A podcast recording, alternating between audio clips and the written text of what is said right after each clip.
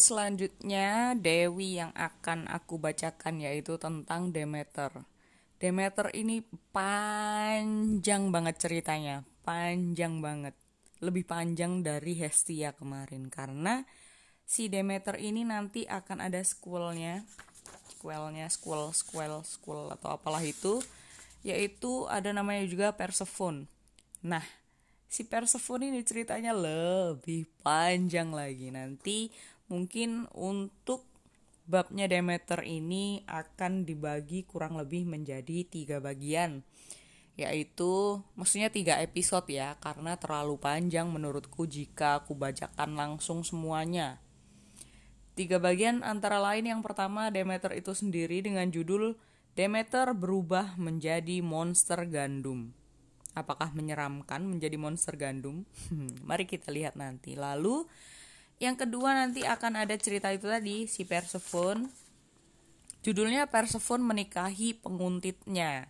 Ini cerita tentang sequelnya Demeter nanti akan aku bagi dua yang aku bilang tadi Persephone ceritanya jauh lebih panjang daripada Demeter.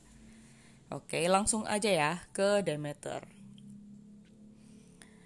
Oh iya, Demeter.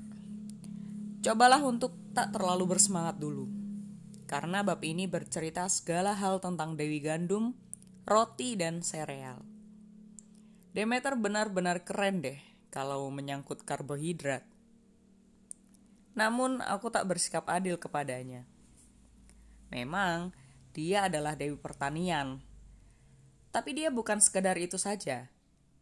Di antara ketiga Dewi tertua, dia adalah saudari tengah jika dia menggabungkan kepribadian manis Hestia dengan pesona adiknya Hera. Demeter memiliki rambut pirang panjang sewarna gandum matang. Dia mengenakan mahkota yang dijalin dari dedaunan jagung, bukan pernyataan fashion yang bisa dikenakan sebagian besar orang, tapi dia sih berhasil. Dia senang menghiasi diri dengan bunga-bunga opium yang sering kali tumbuh di ladang gandum. Setidaknya begitulah yang kudengar. Aku sih jarang berjalan-jalan di ladang gandum. Jubah gelap menyelubungi gaun hijau terangnya. Jadi, ke mana pun dia bergerak, dia terlihat seperti sulur tanaman segar menyeruak dari tanah subur. Dia beraroma badai hujan di hamparan taman bunga melati. Semenjak Hestia memutuskan untuk takkan pernah menikah, Demeter merupakan dewi pertama yang secara serius menarik perhatian para dewa. Hera juga cantik, tapi sikapnya ya kita akan bahas itu nanti. Tidak saja Demeter berwajah cantik, dia juga berhati baik. Seringnya sih begitu. Demeter tahu cara memanggang roti dan kue yang lezat. Dan yang mengejutkan, dia bisa memberikan kesan prajurit perang ke mana pun dia pergi. Dia mengendarai kereta kencana yang ditarik sepasang naga kembar, dan di punggungnya berkilau sebilah pedang emas. Sebenarnya salah satu nama Yunaninya adalah Demeter Chrysauros, yang berarti gadis dengan sebilah pedang emas. Kedengarannya judul yang cocok untuk sebuah film seni bela diri, dan menurut sejumlah legenda, bilah pedangnya sebetulnya merupakan sabit Kronos yang ditempanya kembali hingga menjadi perkakas panen paling berbahaya sedunia. Biasanya dia menggunakannya untuk menyabit gandum, tapi kalau sedang marah, dia bisa bertarung dengannya. Hmm, Oke, okay. para dewa menyukai dirinya. Zeus, Poseidon, dan Hades mengajukan lamaran. Tapi Demeter menolak semuanya mentah-mentah. Dia lebih memilih menjelajahi bumi, mengubah dataran tandus menjadi ladang-ladang subur, mendorong agar kebun-kebun menghasilkan buah-buahan dan agar bunga-bunga bermekaran. Suatu hari, Zeus bersikukuh dia baru saja menceraikan Themis dan belum menikah lagi. Dia kesepian. Entah untuk alasan apa, dia terpaku pada Demeter dan memutuskan harus mendapatkan dirinya. Zeus menemukan dirinya sedang berada di sebuah ladang gandum. Dan Demeter berteriak mengusirnya pergi. Tapi dia terus saja mengikutinya. Ayolah, satu kecupan saja. Setelah itu mungkin satu kecupan lagi. Setelah itu mungkin tidak. Demeter berteriak. Kau sangat menjengkelkan Zeus. Lah, aku adalah raja semesta. Kalau kita bersama, kau yang akan menjadi ratunya. Zeus berseru. Tidak tertarik. Demeter tergoda untuk menghunus pedang emasnya, tapi Zeus merupakan dewa yang paling berkuasa, dan siapa pun yang menentangnya akan mendapat masalah besar. Selain itu, karena kencananya terparkir di ujung seberang ladang, jadi dia tidak bisa melompat masuk begitu saja dan kabur. Zeus terus saja mengusiknya. Anak-anak kita akan berkuasa dan menakjubkan Demeter. Tidak, sudah pergi sana. Hei sayang, jangan kayak begitu dong, goda Zeus. Akhirnya, Demeter yang, mungu, yang muak mengubah dirinya menjadi ular berbisa. Dia berpikir dirinya bisa meloloskan diri dari Zeus dengan bersembunyi di ladang dan meluncur pergi. Namun, itu adalah ide yang buruk. Zeus pun bisa bertransformasi menjadi seekor hewan. Dia mengubah dirinya menjadi ular dan membuntutinya. Itu mudah saja mengingat ular memiliki indera penciuman yang tajam. Dan seperti yang kusebutkan sebelumnya, Demeter memiliki aroma tubuh badai hujan dan melati yang khas. Demeter meluncur masuk ke dalam lubang di tanah. Lagi-lagi sebuah ide yang buruk. Zeus tentu saja meluncur menyusulnya. Terowongannya sempit. Jadi begitu Zeus memblokir jalan masuknya, Demeter tidak bisa berkutik. Dia tidak memiliki ruang untuk berubah wujud. Zeus memerangkapnya dan takkan melepaskan dirinya sampai ya gunakan saja imajinasimu sendiri. Berbulan-bulan kemudian Demeter melahirkan anak pertamanya seorang putri bernama Persephone. Dia bayi yang begitu lucu dan menggemaskan. Sampai-sampai Demeter nyaris memaafkan Zeus yang telah memperdayanya ke dalam jeratan reptil. Cuma nyaris. Mereka tidak menikah dan Zeus merupakan ayah yang cuek. Tapi gadis, ke gadis kecil itu tetap saja menjadi cahaya bagi kehidupan Demeter. Lebih banyak lagi tentang Persephone akan diceritakan nanti di episode selanjutnya. Aku ingin berkata bahwa itu sajalah sekali-kalinya Demeter terlibat dalam situasi buruk dengan pria. Sayangnya itu tidak benar. Beberapa tahun kemudian, Demeter berlibur ke pantai. Dia sedang berjalan menyusuri pantai, menikmati kesendirian dan udara laut yang segar saat Poseidon kebetulan melihatnya. Sebagai dewa laut, dia bisa memperhatikan perempuan-perempuan cantik yang berjalan di pinggir pantai. Dia muncul dari ombak dalam jubah hijau terbaiknya dengan tongkat trisula di tangan dan mahkota kerang di kepalanya. Dia merasa yakin bahwa mahkota itu membuatnya tampak luar biasa ganteng. Hei cantik, ujarnya sambil menaik-naikkan alisnya. Kau pasti ombak, karena kau menyapu kakiku. Dia telah melatih kalimat rayuan itu selama bertahun-tahun. Dia merasa senang akhirnya bisa menggunakannya. Demeter tidak terkesan sama sekali dan berkata, Pergilah Poseidon. Lalu Poseidon pun menyetujui dengan berkata, Terkadang lautan pergi, tapi ia selalu kembali.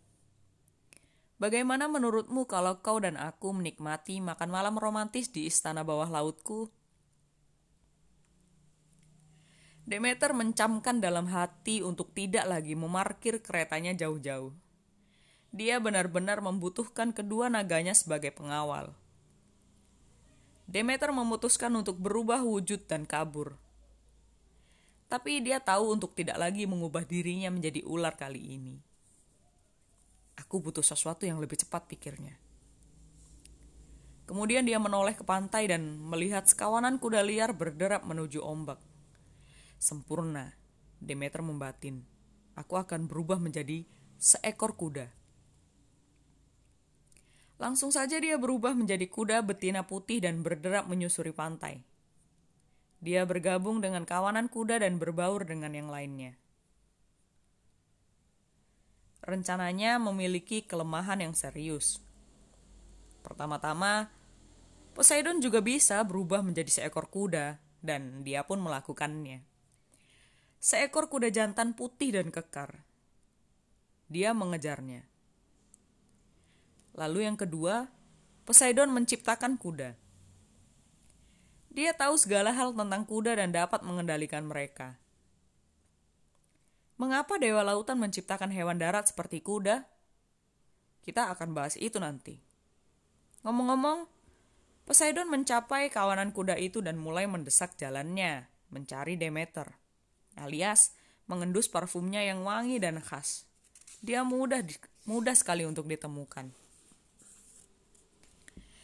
Kamuflase Demeter yang tampak sempurna bersama kawanan kuda ternyata malah menjadi perangkap yang sempurna.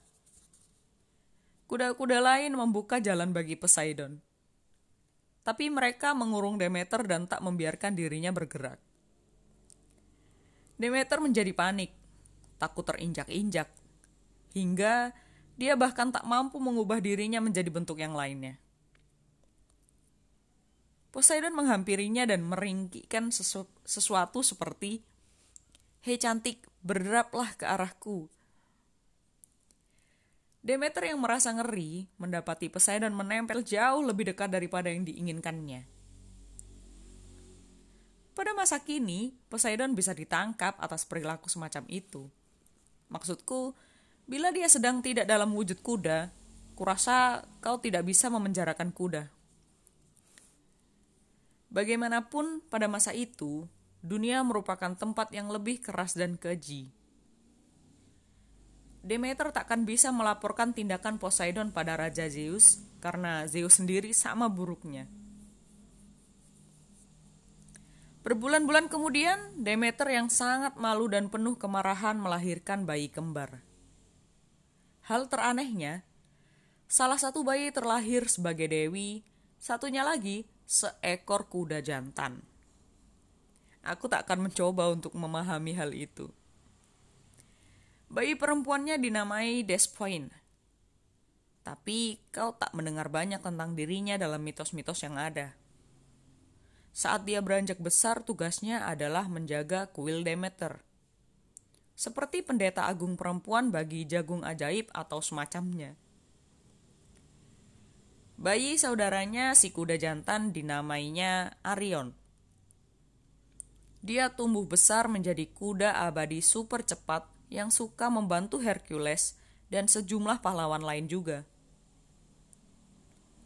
Dia merupakan kuda yang keren, meski aku tak yakin Demeter merasa bangga memiliki putra yang memerlukan sepatu tapal kuda baru setiap beberapa bulan sekali dan terus-menerus menyikutnya untuk menagih apel. Pada titik ini kau akan berpikir Demeter pasti bersumpah untuk menjauhi para pria menjijikan dan memuakkan untuk selamanya dan bergabung dengan Hestia dalam klub lajang permanennya. Anehnya, dua bulan kemudian dia jatuh cinta dengan seorang pangeran manusia bernama Iasion. Diucapkan Aison kurasa. Oh oke. Okay semakin menunjukkan padamu betapa jauhnya manusia telah berkembang semenjak Prometheus memberi mereka api. Kini mereka bisa berbicara dan menulis. Mereka bisa menggosok gigi dan menyisir rambut. Mereka mengenakan baju dan terkadang mandi. Sebagian dari mereka bahkan cukup tampan untuk merayu para dewi. Pria bernama Aison ini uh, bukan Jason ya, itu pria lain lagi. Oke, okay. pria bernama Aison ini merupakan pahlawan kereta. Dia tampan dan sopan. Dan dia selalu melindungi para petani setempat. Yang merupakan cara jitu untuk merebut hati Demeter. Suatu hari, Aison sedang berada di luar untuk menginspeksi ladang yang baru. Ah, sorry, untuk menginspeksi ladang yang baru dibajak ketika Demeter kebetulan jalan-jalan di sana dengan samaran sebagai gadis manusia. Mereka berdua mulai berbincang. Oh, aku sangat menyukai gandum. Aku juga. Gandum adalah yang terbaik. Atau kira-kira begitulah, dan mereka pun saling jatuh cinta. Mereka berjumpa di ladang beberapa kali lagi. Selama beberapa minggu, Demeter dimabuk kepayang. Tentu saja sebuah masalah pasti terjadi. Pada kesempatan lain, Demeter mengunjungi ladang-ladang itu.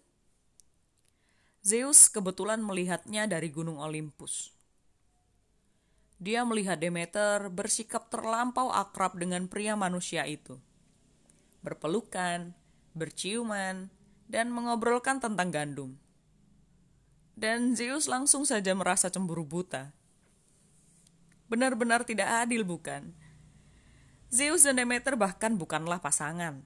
Namun tetap tetap saja setiap kali Zeus melihat pahlawan manusia bermesraan dengan gadisnya, dia langsung naik pitam. Hal terbaik dari marah kepada manusia adalah mereka adalah manusia yang fana. Yang itu berarti dia dapat dengan mudah membunuhnya. Demeter sedang memberi Aison sebuah kecupan ketika langit bergemuruh. Awan-awan menyobek terbuka dan petir menyambar. Duar!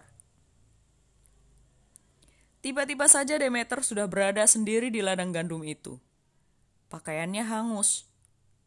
Tumpukan abu pahlawan tersisa di dekat kakinya. Demeter merintih dan menjeritkan kutukan kepada Zeus. Tapi tak ada yang bisa dilakukannya. Dia kemudian mengurung diri di apartemen pribadinya di Gunung Olympus dan berdiam di sana selama berbulan-bulan. Saat dirinya akhirnya keluar, dia menggendong anak terakhir yang dilahirkannya. Seorang bayi laki-laki bernama Pluotos. Bukan Pluto ya, itu juga pria lain lagi. Kau tak banyak mendengar tentang Pluotos dengan dalam mitos-mitos lama juga. Tapi dia kemudian menjadi dewa minor bagi kekayaan pertanian.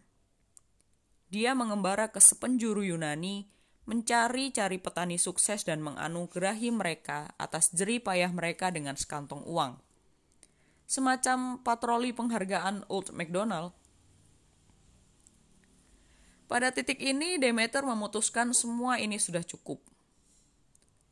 Dia masih berkencan sesekali, tapi dia tak pernah menikah, tidak pernah memiliki anak lagi, dan hubungannya dengan para dewa selalu saja tidak akur. Pengalaman hidupnya juga telah mengeraskan kepribadiannya yang hangat. Kau mungkin takkan mengira Dewi biji-bijian bisa menakutkan. Tapi ampun deh. Kau mesti lihat apa yang diperbuatnya kepada pria satu ini. Si Eri Sichton. Eri Sichton. Oke, agak susah ya bacanya. Oke, aku tahu nama yang begitu konyol. Kurasa itu dibunyikan Eri Sichton tapi entahlah, aku juga cuma menebak. Nah, pria ini merupakan pangeran setempat yang menganggap dirinya merupakan hal terkeren semenjak perunggu. Dia ingin membangun untuk dirinya sebuah rumah besar dengan kayu-kayu dari hutan di dekatnya. Masalahnya, pohon-pohon terbagus, terbagus dan terbesar, satu-satunya yang dianggapnya cukup bagus untuk rumahnya berada di hutan yang keramat bagi Demeter.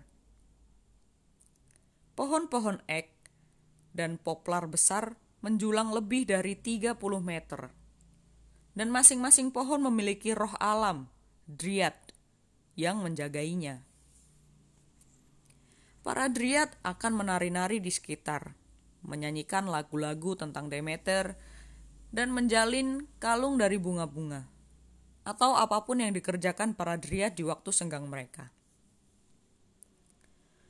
Semua orang di sepenjuru negeri tahu bahwa hutan itu keramat bagi Demeter. Tapi Erik, siapalah namanya itu, tampak tak peduli. Hei, kurasa aku akan memanggilnya Erik saja. Oke, jadi Erik kemudian mengumpulkan sekitar 50 dari kawan-kawannya yang terbesar dan terkuat. Dia membekali mereka dengan kapak perunggu tajam dan mereka pun bergerak menuju hutan. Begitu para Dryad menyaksikan kedatangan mereka, mereka memeki kaget dan memanggil Demeter untuk melindungi mereka. Mereka pasti memiliki sang dewi dalam daftar panggilan kilat karena dalam sekejap mata saja dia sudah datang. Demeter mengambil wujud sebagai sesosok perempuan fana dan muncul di tengah jalan tepat di hadapan Erik dan bala tentara dungu penggenggam kapaknya.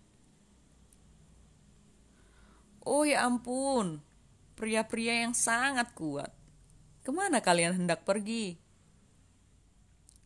Menyingkirlah gadis, ada pohon-pohon yang harus kami tebang, gerutu Erik. Tapi kenapa kalian harus menyerang pohon-pohon malang tak berdaya ini? Aku butuh kayunya. Aku akan buat rumah termegah di dunia. Dan teman-temannya pun bersorak sambil mengayun-ayunkan kapak mereka penuh ancaman. Demeter berusaha mengendalikan amarahnya dengan berkata, kau sebaiknya memilih pohon-pohon yang lain. Hutan ini merupakan hutan keramat bagi Demeter. Erik pun menyahut, Bah, ini adalah pepohonan tertinggi di negeri. Aku butuh pohon-pohon tinggi untuk aula rumahku yang besar. Teman-temanku dan aku berencana untuk berpesta di sana setiap malam. Kami akan menghidangkan jamuan makan yang luar biasa, sampai-sampai aku akan terkenal di sepenjuru Yunani. Teman-temannya berteriak nyam dan membuat bunyi-bunyian gaduh dengan mengecapkan bibir mereka. Demeter terus saja mendesak dengan berkata, "Tapi ini merupakan rumah bagi kebanyakan riat yang tak berdosa." Erik pun membalas, "Kalau para driat mencoba menghentikanku, aku akan menebas mereka juga." Demeter pun mengatupkan rahangnya dengan penuh emosi dan berkata lagi, "Dan bagaimana jika Demeter mencoba menghentikanmu?" Erik pun tertawa. Biar saja dia mencobanya. Aku tidak takut tuh dengan Dewi Panen yang konyol. Sekarang minggirlah. Kalau kau tidak mau ikut kutebas gadis. Dia menepis sang dewi dengan senggolan bahunya dan bergerak menuju pohon terbesar. Sebuah pohon poplar putih besar. Selagi dia mengayunkan kapaknya, semburan angin panas menepuk pantatnya. Demeter bertumbuh hingga ke ketinggian raksasa. Menjulang di atas pepohonan seperti monster gandum dalam jubah hijau dan hitamnya. Mahkota dedaunan jagungnya mengepulkan asap di rambut emasnya. Juga bila sabitnya melontarkan bayang-bayang pada seluruh kelompok manusia itu. Demeter pun mengaum. Jadi, kau tak takut padaku. Kelima puluh tentara dungu Erik menjatuhkan kapak mereka dan kabur sambil menjerit-jerit seperti gadis-gadis kecil. Erik mencoba berdiri, namun lututnya seperti agar-agar uh, aku uh, aku cuma um, Demeter pun meraung. Kau ingin jadi terkenal karena jamuan makan, maka kau akan berpesta, Eriskton. Setiap malamnya dengan jamuan makan besar-besaran seperti yang kau inginkan. Aku adalah Dewi Panen, nyonya makanan bergizi. Kau akan makan dan makan terus panjang sisa hidupmu tapi rasa laparmu takkan pernah terpuaskan. Demeter lenyap dalam kilatan cahaya hijau. Erik yang malang berlari sambil merengek dan bersumpah kepada para dewa bahwa dirinya takkan pernah lagi menyentuh hutan keramat itu. Itu tidak penting lagi. Malam itu, usai menyantap makan malamnya, dia sama laparnya seperti sebelum makan. Dia melahap porsi makan malam keduanya, kemudian yang ketiga, tapi rasanya tidak lebih baik. Dia minum sekitar segalon air, tapi tak mampu memuaskan dahaganya. Dalam hitungan hari saja, rasa lapar dan haus yang dirasakannya menjadi tak tertahankan. Dia hanya bisa beristirahat ketika tidur. Tapi bahkan saat itu pun dia memimpikan tentang makanan. Dan saat terbangun, dia pun kembali lapar. Eric seorang pria kaya. Tapi dalam beberapa minggu saja, dia telah menjual sebagian besar kekayaannya hanya untuk membeli makanan. Dia makan terus-menerus sepanjang hari setiap harinya. Tak ada yang bisa membantu. Pada akhirnya dia kehilangan semua yang dimilikinya. Teman-temannya menelantarkannya. Dia begitu putus asanya sampai-sampai dia bahkan mencoba menjual putrinya sendiri dalam perbudakan demi mendapat uang untuk makanan. Untungnya, Demeter tak cukup keji hingga membiarkan hal itu terjadi. Putrinya memohon agar seseorang datang menyelamatkannya dan Poseidon pun datang menolongnya. Mungkin dia berpikir dirinya berhutang pada Demeter atas insiden senggolan kuda itu. Atau mungkin dia hanya tak keberatan menolong seorang gadis cantik. Bagaimanapun dia membawa gadis itu ke dalam perlindungannya dan menjadikannya sebagai pelayan di kerajaan bawah lautnya. Sungguh akhir yang bahagia. Berita pun tersebar. Kaum manusia memutuskan bahwa barangkali mereka sebaiknya menanggapi Demeter secara serius. Siapa pun yang mengendalikan makanan dapat memberkahimu, ataupun mereka dapat mengutukmu dengan begitu parahnya. Setelahnya Demeter merasa dia telah menghalau amarah dari dalam dirinya. Dia memutuskan untuk rileks dan menikmati hidup. Dan hal yang paling membahagiakan dirinya di dunia ini adalah putri tersulungnya yaitu Persephone. Oh, tentu saja. Dia juga menyayangi anak-anaknya yang lain. Tapi Persephone merupakan anak favoritnya. Cukup sudah aku menjalani drama Aku akan santai dan menikmati waktu bersama putriku yang luar biasa. Batin Demeter. Seperti yang dapat kau tebak sendiri, itu tidak berjalan dengan lancar. Nah, itu tadi cerita tentang Demeter. Cukup panjang bukan? Ya, Demeter memang dia terlalu apa ya? Terlalu tidak berdaya oleh para dewa Oke, nah selanjutnya adalah cerita tentang Persephone yang tadi aku bilang tentang anak Demeter yang masih cerita tentang sequelnya si Demeter. Nanti seperti apa akan ada dua part ya, dua bagian, dua episode untuk cerita si Persephone sendiri. Begitu. Oke, terima kasih bagi yang sudah mendengarkan. Semoga nggak bosan ya.